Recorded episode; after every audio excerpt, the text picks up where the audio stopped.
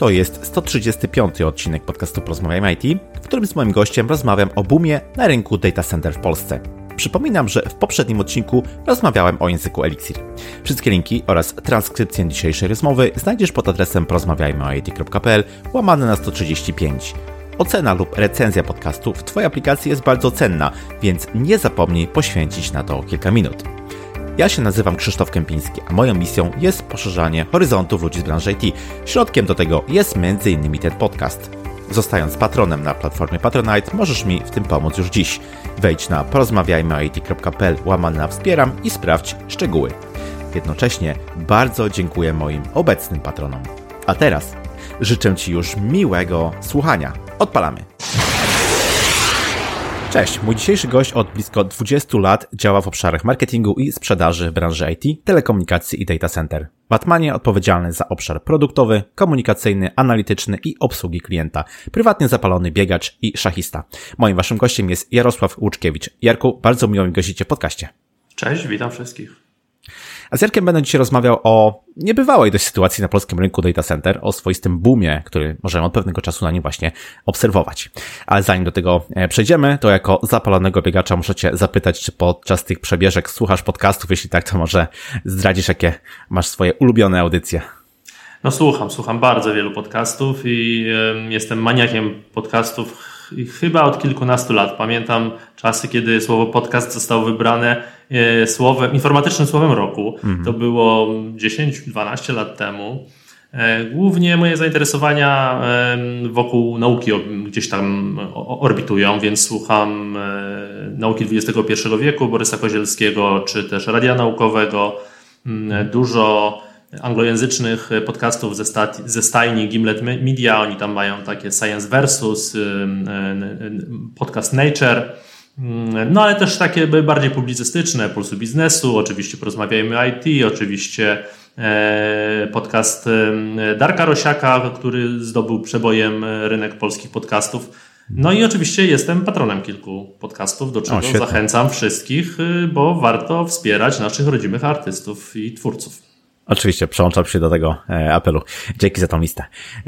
E, Dobrze, mm, to może przejdźmy do tematu. W 2020 roku wydarzyło się wiele rzeczy, ale e, te rzeczy, które nas najbardziej interesują, związane właśnie z rejonem e, głównie warszawskim i z data center, e, są związane z rozwojem, z inwestycjami właśnie w centra danych. Najbardziej oczywiste powody, oprócz oczywiście pandemii i takiego, powiedziałbym, zwiększonego zainteresowania w ogóle usługami cyfrowymi, to również zrealizowane albo planowane inwestycje dużych prowajderów usług e, chmurowych, e, właśnie między innymi w tym obszarze e, warszawskim.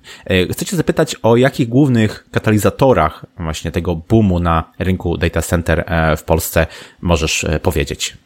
No, kilka, kilka z nich wymieniłeś. One są chyba najważniejsze. To znaczy, one są najważniejsze w kontekście takim ogólnoświatowym, bo rzeczywiście ci najwięksi gracze, my sobie tutaj na nich mówimy hyperskylers, hyperskylers.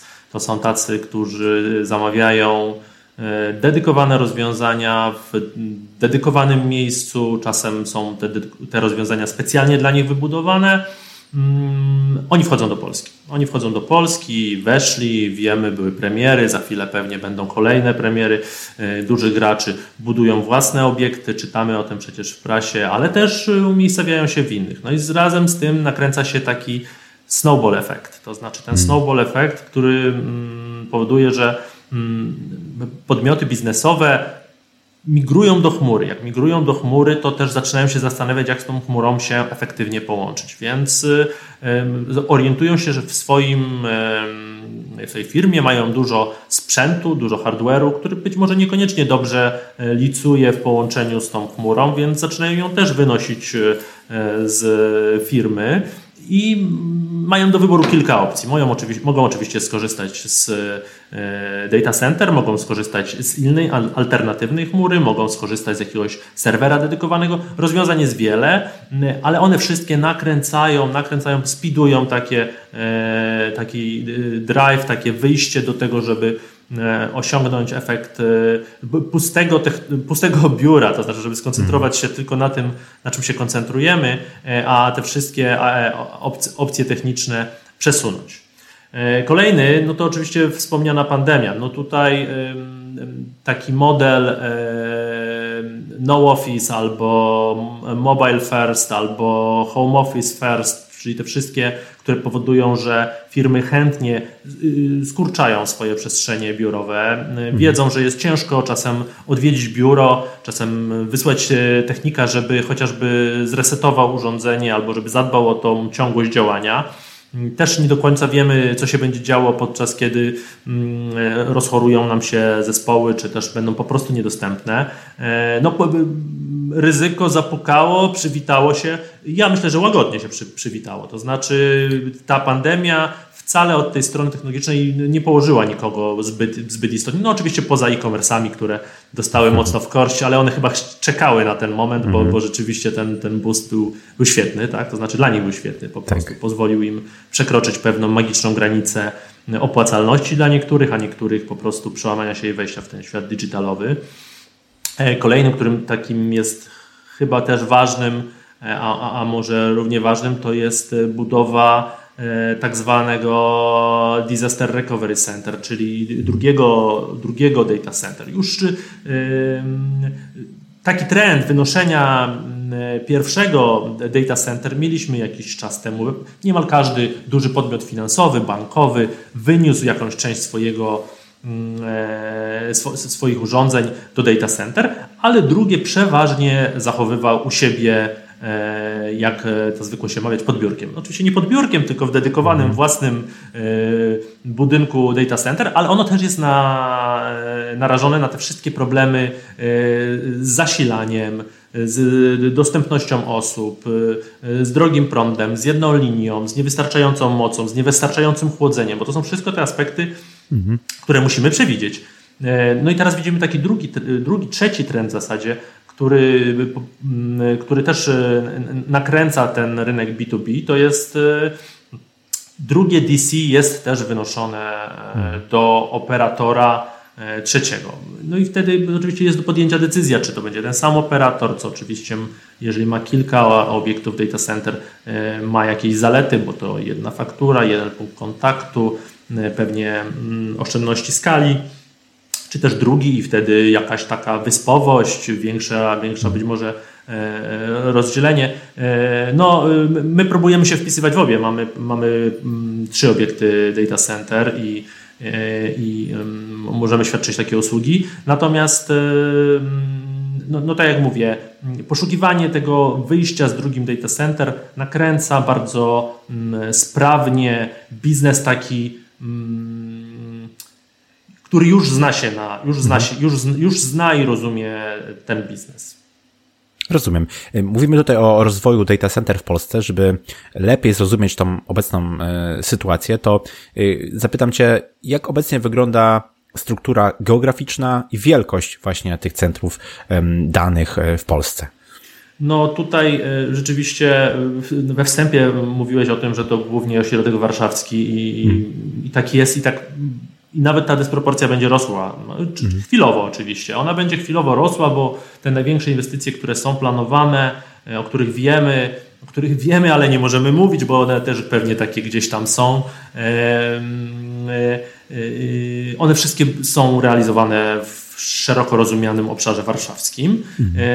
I Tutaj najbliższych kilka lat to podwojenie powierzchni na terenie mm, Polski, głównie za pomocą Warszawy. Choć oczywiście to nie jest tak, że tylko e, Warszawa w obszarze data center rośnie, bo e, dobrze wiemy, że mm, z jednej strony mm, na Śląsku rozwija się silnie, silnie ośrodki data center komercyjnego, a takiego niekomercyjnego, a budowanego też, e, a przynajmniej zapowiadanego do budowy przez firmy publiczne, to mhm. też e, w innych miejscach Mazowsza, czyli konkretnie w Płocku, jak wiemy tutaj mhm. Orlen też e, informuje o tym, że będzie chciał budować e, istotny dla, dla mm, rynku, dla obrazu polskiego rynku data center budynek, który oczywiście nie będzie stricte rozumianym komercyjnym, ale na pewno będzie wpływał na ten rynek komercyjny, bo po, po prostu będą to metry kwadratowe, z których będzie można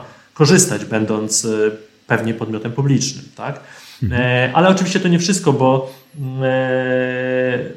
lokalne ośrodki muszą, będą i pozostaną lokalne. Tak? Są one szczególnie ważne w takim momencie, kiedy IoT rośnie, mhm. bo pozwala tak naprawdę na oszczędzanie tych cennych milisekund, a czasami tych mikrosekund. No nie da się oszukać tutaj tej, tej topologii telekomunikacyjnej i wiemy dobrze, że mm, jeżeli pojazd autonomiczny łączy się z ulicy w Katowicach do Warszawy, to to jest znacznie dłużej, albo przynajmniej odrobinę dłużej, niż gdy łączy się z data center w Katowicach. Dlatego mm, no, te ośrodki agregujące data centrowe lokalne będą miały znaczenie.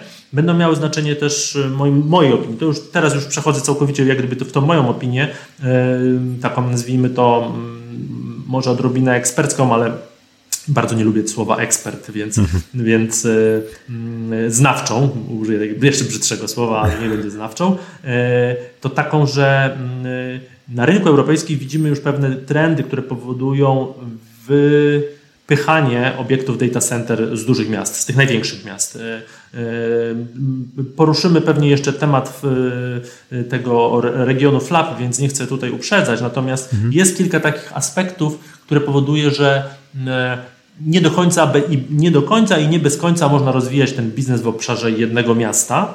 E, dlatego też e, oczywiście będzie jakiś e, naturalny e, następca, który przejmie rolę mm, Warszawy w szybkim rozwoju.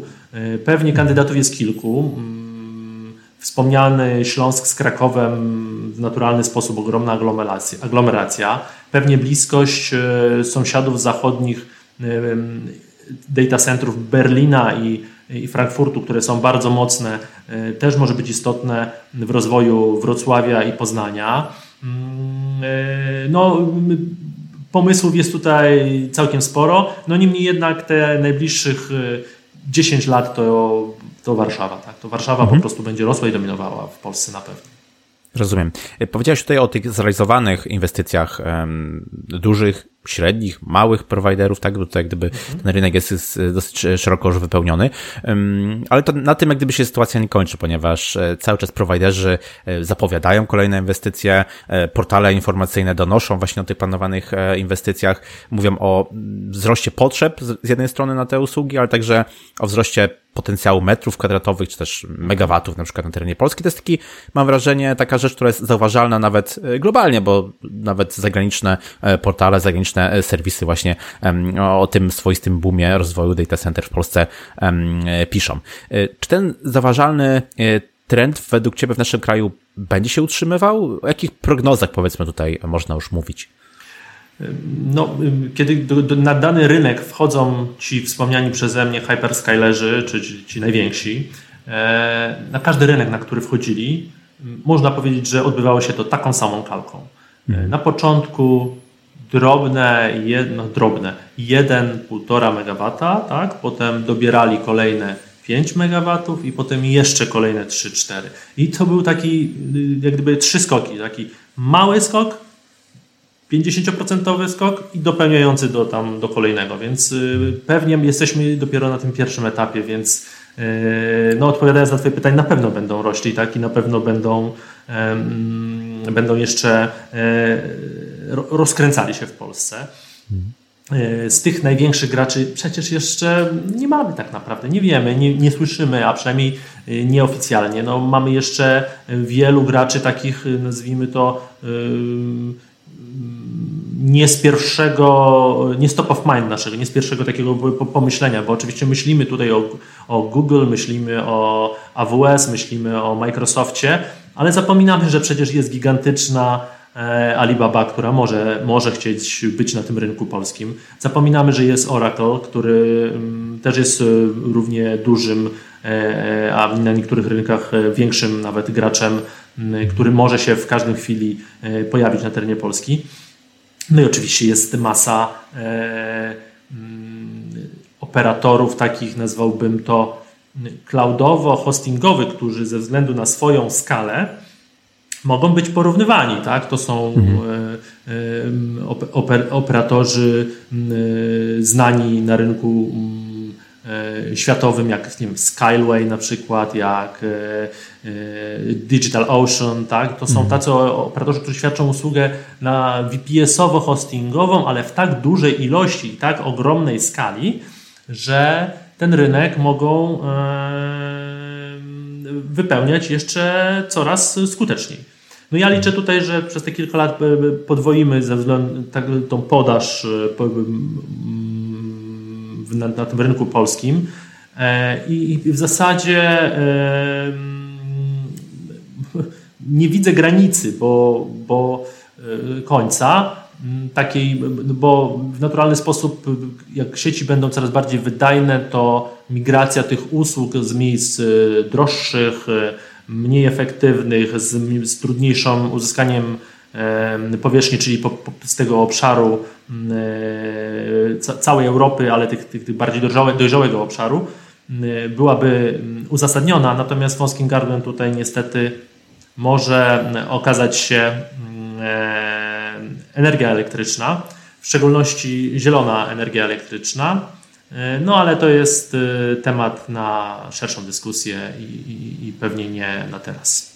Okej, okay, mówiłeś o tych głównych driverach, które powodują, które wpływają na to, że rynek data center w Polsce się e, rozwija, no ale wiadomo, że to nie idzie zawsze tak gładko, jak, jak mogłoby się wydawać. Muszą być jakieś wyzwania, jakieś problemy, z którymi operatorzy data center w Polsce się mierzą.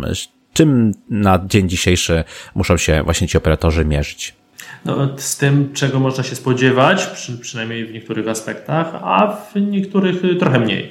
No przede wszystkim y, dostępność y, po prostu dużych obszarów ziemi, tak? czyli dostępność takich przestrzeni pod budowę data center.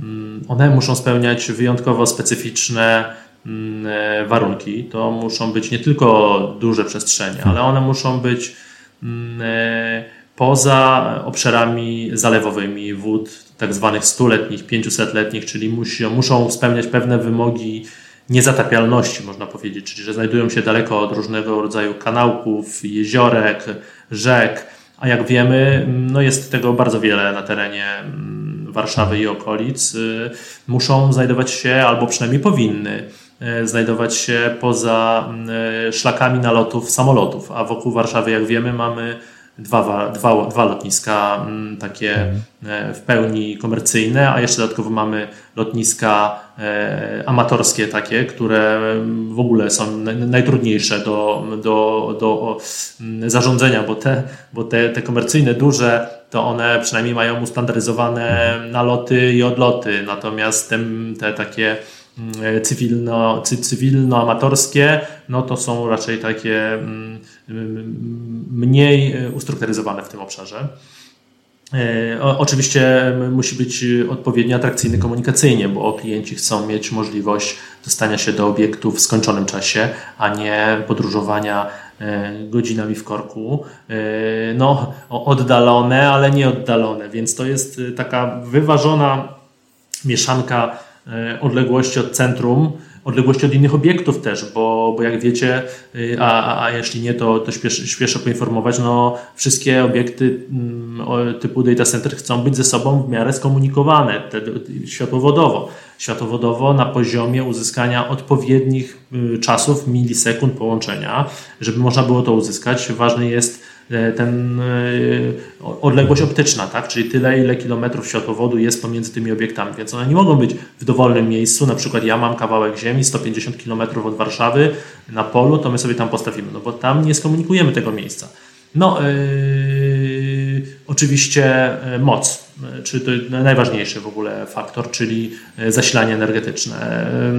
Yy, po pierwsze dwuliniowe, po drugie o gigantycznej mocy, mocy mierzonej w megawatach, to są e, moce, których, e, które wystarczają na zasilenie całych miast. Całych małych miasteczek wystarczają takie moce do zasilenia. Są potrzebne do zasilenia dużego kampusu. Powstające teraz obiekty na terenie Warszawy, mm, czy to Vantage'a, czy Equinixa są mierzone w kilkudziesięciu e, megawatach razy dwa, więc to oznacza, że tam jest naprawdę bardzo, bardzo, bardzo dużo mocy. E, takiej mocy nie uzyskuje się w prosty sposób, to znaczy najczęściej jest to związane ze sprowadzeniem linii wysokiego napięcia do dedykowanej stacji średniego napięcia zasilającej tylko i wyłącznie e, ten obiekt. I to oczywiście jest trudne, trudne z tego względu, że te inwestycje są długotrwałe, kosztogenne, mm, a czasami po prostu fizycznie, fizycznie trudne, bo trzeba kilometrów y, y, kabla przeciągnąć pod ziemią, na ziemi czy w innych permutacjach. E, no i jak już to wszystko nam się uda połączyć, tą, tą taką skomplikowaną e, układankę e, kosztowo, hmm. wymogowo, formalną, no to dochodzi oczywiście brak kadr, ale nie tylko tych kadr, które już będą pracowały w naszym data center, ale też projektantów i wykonawców, bo to nie jest tak, że data center to jest taki mhm. budynek, jak e, za przeproszeniem e, hala e, taka hurtowa sprzedaży czy przechowywania jakiegoś produktu, czy parking podziemny, który zostało nabudowanych w ostatnich latach setki, a może i nawet tysiące na terenie, na terenie kraju. Tylko to są obiekty unikalne, ich budowanie jest specyficzne. Na terenie Polski jest niewielu E, takich specjalistów, którzy potrafią to zrobić. E, są cenieni i e, wymaga to naprawdę dużego zacięcia, żeby ich pozyskać do biznesu. Mówi się, że do 2025 zasoby data center w Polsce no, mogą się podwoić. Jak firma Atman, którą tutaj reprezentujesz, chce uczestniczyć właśnie w tym rozwoju data center w Polsce? No jesteśmy liderem i chcemy pozostać liderem polskiego rynku DC. No oczywiście zdajemy sobie sprawę, że na rynku pojawia się mm, wielu nowych graczy, tak jak już wspominałem, Equinix, Vantage, Edge Connect. No ale my szykujemy też odpowiedź. Stay tuned. Będziemy odpowiadać na tych największych, e, a na potrzeby krajowe odpowiadamy inwestycjami w naszym kampusie, to znaczy oddajemy do użytku już 28 e, września, więc e, zależnie od tego, kiedy tego słuchacie, 28 e, września 2021 roku oddaliśmy, oddajemy do użytku kolejny budynek, budynek F6.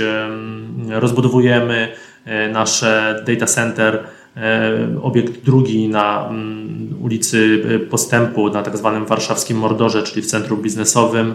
Mm, no i planujemy już budowę e, kolejnego budynku na, ten, na terenie naszego kampusu, więc mamy z jednej strony pomysł na to, jak e, obsłużyć rynek e, krajowy, ten taki biznesowy, bankowy, finansowy, zdrowotny, mm, gamingowy, ten, który jest zainteresowany obiektami typu data center w mniejszej skali. I mamy też pomysł na gracza hyperscale'owego, E, na którego, którym to pomysłem pewnie podzielimy się później. E, na razie cieszymy się z tego, że w rok wybudowaliśmy i oddaliśmy do użytku e, budynek, który spełnia wszystkie naj, najwyższe standardy rynkowe. Zapraszamy, podziwiajcie, oglądajcie. To jest nasza odpowiedź. Na pewno nie składamy tutaj E, szabli będziemy walczyć o, o, o palmę lidera.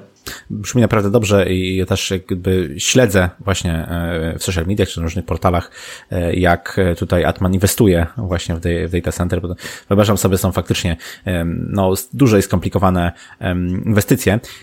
Mówiłeś tutaj o hmm. tych budynkach związanych z data center, o licznych wymogach, które są no właśnie jakby związane, czy też obostrzenia, które są związane z lokalizacją, z, z mm, własnościami takiego budynku.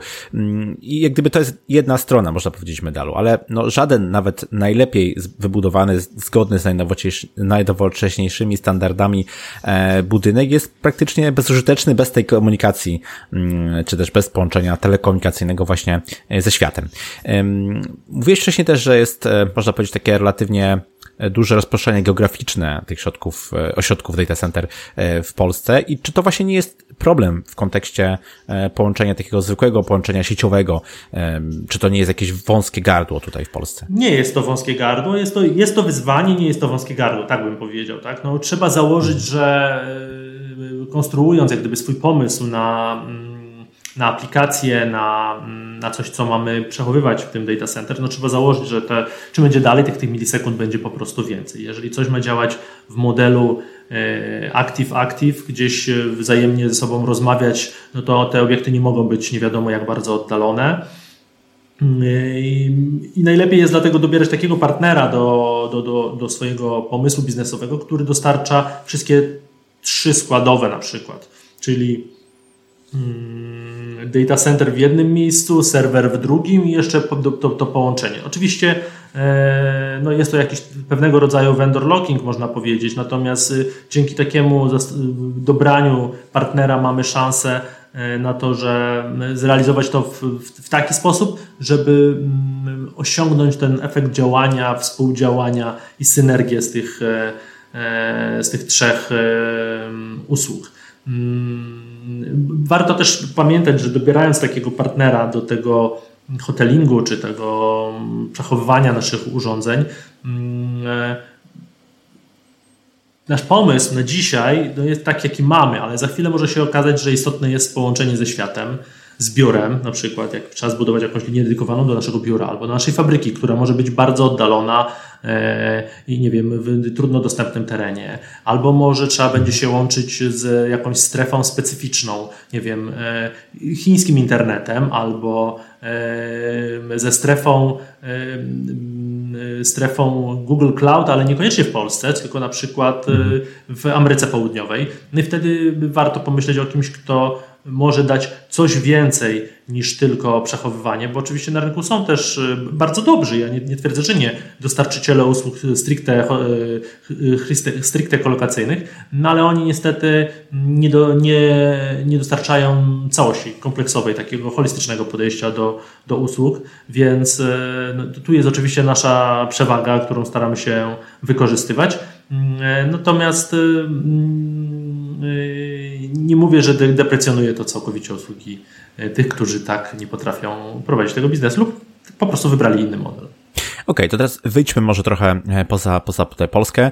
Spójrzmy, jak to wygląda e, na dominujące rynki data center właśnie w Europie. Mm, są one określane mm, mianem re, mm, regionu FLAP, czy też FLAP-D, tak? Mhm. Frankfurt, London, Amsterdam, Paryż, Dublin. Czy według Ciebie Warszawa ma szansę zbliżyć się w ciągu następnych kilku lat, powiedzmy, do tych właśnie dominujących ośrodków data center? No tak bardzo krótko, to zdecydowanie. E, no bo powodów jest oczywiście kilka. E, pierwszy to przenoszą się dostawcy usług bliżej klientów. No to, to jest oczywiste, tak? Oszczędzają milisekundy, e, tam ta powierzchnia jest dużo droższa.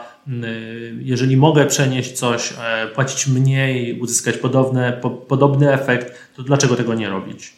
Już wcześniej o tym wspominałem, ale pojawiają się pewnego rodzaju ograniczenia w obszarze szeroko rozumianym flapie, szeroko rozumianego flapa, e, czyli brak i zakaz budowania przemysłu e, energochłonnego, co może oznaczać, że po prostu kolejne budynki tam nie będą powstawały, bo na przykład inwestycje kilku megawatowe zostaną zakwalifikowane już do takich energochłonnych i ze względu na skądinąd dobry trend, zielony trend w miastach, e, może po prostu zabraknąć dla nich miejsca e, e, na, mm, na nowe budynki.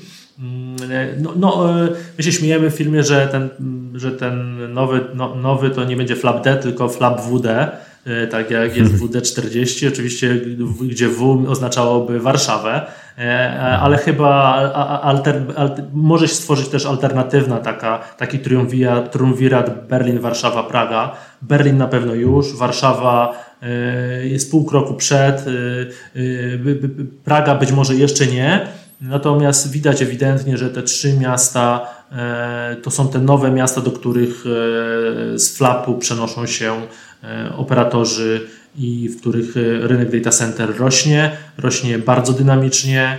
Mm, no i my jesteśmy tutaj jednym z elementów. My mam, rozumiem, Warszawę, tak? Polskę i Warszawę. Mhm. Mhm. E, a mówiąc o tym, o tym rozwoju, czy też boomie powiedzmy inwestycyjnym właśnie na, na data center w Polsce, mm, czy masz tutaj na myśli poza Warszawą również jakieś mm, większe miasta e, polskie, które się do tego przyczyniają, czy też raczej to, to można powiedzieć, że jest tylko e, Warszawa i długo, długo nic? No te ci najwięksi, którzy naprawdę zrobią ten, ten, dwukrotno, dwu, ten, ten, dwukrotny wzrost, to będą e, obiekty w Warszawie i okolicach, tak? Te wszystkie mhm. E, obiekty Vantage'a, Microsoftu, te doliny krzemowe zapowiadane tutaj głośno przez pana premiera, czy przez, czy przez różnych przedstawicieli firm, one powstają w Warszawie i okolicach. E, więc tak naprawdę Warszawa Jasne. zrobi tą ilość. Powstają nowe obiekty. Na Śląsku, tak jak wspomniałem ostatnio, zapowiedziany został drugi, duży, w Płocku został zapowiedziany duży, e, pod Krakowem duży, duży, stosunkowo duży, ale one wszystkie razem no, nie stanowią e, jednej hmm. dziesiątej takiej inwestycji planowanej przez na przykład przez Microsoft, więc no, ciężko mówić o, to, o tym, żeby tutaj była to realna realny wpływ miała na tę na, na, na tą masę, tak, te obiekty poza, mhm. poza Warszawą. Rozumiem. Y, na końcu chciałbym Cię zapytać, jak buduje się obecnie takie nowe data center właśnie w Polsce? Jak to się w ogóle zmieniło na przestrzeni y, lat i powiedzmy na ile takie budynki E, typowo właśnie stawiane pod data center, a nie powiedzmy adoptowane, tak, bo tutaj jest, jest e, no, taka swoista różnica, można powiedzieć, e, pomiędzy jednym a drugim. Mm, na ile takie budynki przekładają się później, powiedzmy, na jakość, czy w ogóle jest jakaś różnica w jakości świadczonych usług, zależnie właśnie od, powiedzmy, tego, czy to jest budynek nowy, czy też adoptowany, czy też wpływa to jakoś na, na niezawodność, powiedzmy, tych usług? No, yy, tak. Yy, przede wszystkim Pierwsze data center to były tak naprawdę adaptowane budynki. To, to wszyscy próbowali po prostu robić z tego, co było, hmm. krajać, do, do, do, do, doformowywać i coś tam powstawało. Dzisiaj buduje się na nowo i buduje się bardziej płasko. Buduje się bardziej płasko, bo stropy i windy są problemem ze względu na ciężar, na gęstość po prostu opakowania sprzętu i hardware'u. Głównie buduje się przy, przy, na terenach otwartych y, do dwóch y, kondygnacji. Tak? To jest dwie wysokie kondygnacje i to jest wszystko. Oczywiście w, w, tak, w tak zwanym ścisłym e, centrum miasta buduje się wyżej. My na przykład nasz nowy budynek pobudowaliśmy na pięciu kondygnacjach, a to tylko dlatego, że budujemy go no, na zamkniętym naszym wewnętrznym małym kampusie, stosunkowo małym kampusie, w którym musimy oszczędzać każdy metr kwadratowy. Natomiast jeżeli te, to ograniczenie nie jest aż tak istotne, no to buduje się płasko dwie kondygnacje. Po drugie, mm, e, odchodzi się już od wpychania w budynek do środka całej infrastruktury. Na zewnątrz, wręcz w e, kontenerach, e, w różnego rodzaju wyniesionych wyspach, barakach, stawia się generatory, chłodzenie, UPS-y, to wszystko wysuwa się na zewnątrz, żeby ten shell, który powstanie, można było jak najgęściej, jak naj tak specyficzniej od ściany do ściany wypełnić no, tym, co przynosi mm. pieniądze, czyli przestrzenią IT już, tak? No bo y, taki y, ogólny, najprostszy, najprostszy dla osoby z zewnątrz przelicznik to jest 2 do 1. 2 metry brutto to jest 1 metr netto to nie jest dobry przelicznik, więc y, dzięki takim zabiegom wynoszenia na zewnątrz możemy istotnie poprawić y, te, mm, te parametry. Mm, y, to, co powstaje, to raczej duże przestrzenie wewnątrz. Na przykład dzieli się całe poziomy na 4-6 komór, które potem można dowolnie łączyć. Tworzymy jedną wielką komorę dla klienta, który chce 1600 metrów, albo dwie po 800, albo i tak dalej, i tak dalej. Dzielimy dopiero na mniejsze, e, żeby uzyskiwać ten, ten efekt dopasowania do klienta. Klienci coraz częściej żądają nie tylko przestrzeni, ale też takiej mhm. własności, że oni chcą czuć, że to jest ich przestrzeń zamknięta. I ona jest zamknięta nie tylko tak zwanym boksem, bo to jest jedno z najpopularniejszych rozwiązań, czyli taką um, kratownicą, tak, że jest wydzielony kratownicą i szafy, tylko po prostu intymność śluza zamknięta na klucz a to można zrobić dzięki takiemu jednemu wielkiemu e, basenowi, który możemy wypełnić potem na części. E, no oczywiście warto zadbać, a nawet trzeba o łatwy i wielotorowy wjazd i wyjazd, to znaczy taki, żeby tir nie musiał wjechać, wyjechać, nie musiał zawracać na tym obszarze, bo to jest bardzo trudne manewrowanie, tak jak ktoś wie, że na przykład i przywozi w ciągu czterech dni 200 szaf, E, z pełnym wyposażeniem, no to tam ryzyko tego, że coś się zdarzy, jeżeli on będzie manewrował, przewróci, jest zbyt duże. Tak? Nie można sobie na to pozwolić. To często jest e, niemal sprzęt e, produkcyjny. E, więc warto o to zadbać. No i ja, ja oczywiście mogę tam dalej próbować coś opowiadać, ale nie jestem e, tutaj wyjątkowym specjalistą. Wiem, że masz jeszcze w planach e, nagranie odcinka z moim kolegą. Dokładnie. Z, Arkiem, z Arkiem Boczkiem, Boczkowskim, przepraszam, pseudonim artystyczny Boczek, z Arkiem. Arek jest fachowcem, który wybudował nasz budynek mhm. F6 i w ogóle zajmuje się całą tą infrastrukturą, więc on na pewno opowie więcej o tym, jak się buduje e, i pewnie rozwinie te elementy wynoszenia na zewnątrz, tego wypłaszczania, czy też e, e, wielotorowych wjazdów i wyjazdów z obiektu. Świetnie. Dziękuję Ci za prowadzenie do tego e, tematu. Faktycznie będziemy jeszcze to, to kontynuować tutaj. E, Jarosław Łuczkiewicz z firmy Atman był moim gościem. Rozmawialiśmy o boomie na rynku data center w Polsce. E, Jarku, bardzo Ci dziękuję za rozmowę. Dziękuję bardzo. Powiedz jeszcze proszę na końcu, gdzie Cię można znaleźć w internecie, jak się z Tobą skontaktować. No oczywiście możecie mnie znaleźć na LinkedIn. Zapraszam do kontaktu Jarosław Łuczkiewicz, ale też na Twitterze jako J. Lucz, więc zapraszam w obu miejscach chętnie porozmawiam nie tylko o biznesie, ale też o szachach i o bieganiu, jak już wspominał wcześniej Krzysztof na wstępie. Tak jest, oczywiście wszystkie linki będą w tace do e, odcinka. Jarku, jeszcze raz bardzo Ci dziękuję i do usłyszenia. Cześć. Do usłyszenia, cześć. I to tyle z tego, co przygotowałem dla Ciebie na dzisiaj. Szybki wzrost polskiego rynku data center jest zauważalny i odnotowywany globalnie. Inwestycje firm z tego sektora i zwiększone zainteresowanie usługami cyfrowymi przyczyniają się do tego boomu, co stawia Polskę, a głównie rejon warszawski, w roli znaczącego gracza na rynku data center w rejonie. Jeśli ten odcinek był dla Ciebie interesujący i ciekawy, oddziel się proszę recenzją, oceną i komentarzem w social mediach. Jeśli masz jakieś pytania, pisz śmiało na krzysztofmałpa.rozmawiajmy.it.pl Zapraszam też do moich mediów społecznościowych. Ja się nazywam Krzysztof Kępiński, a to był odcinek podcastu Porozmawiajmy IT o boomie na rynku data center w Polsce. Zapraszam do kolejnego odcinka już za tydzień. Cześć!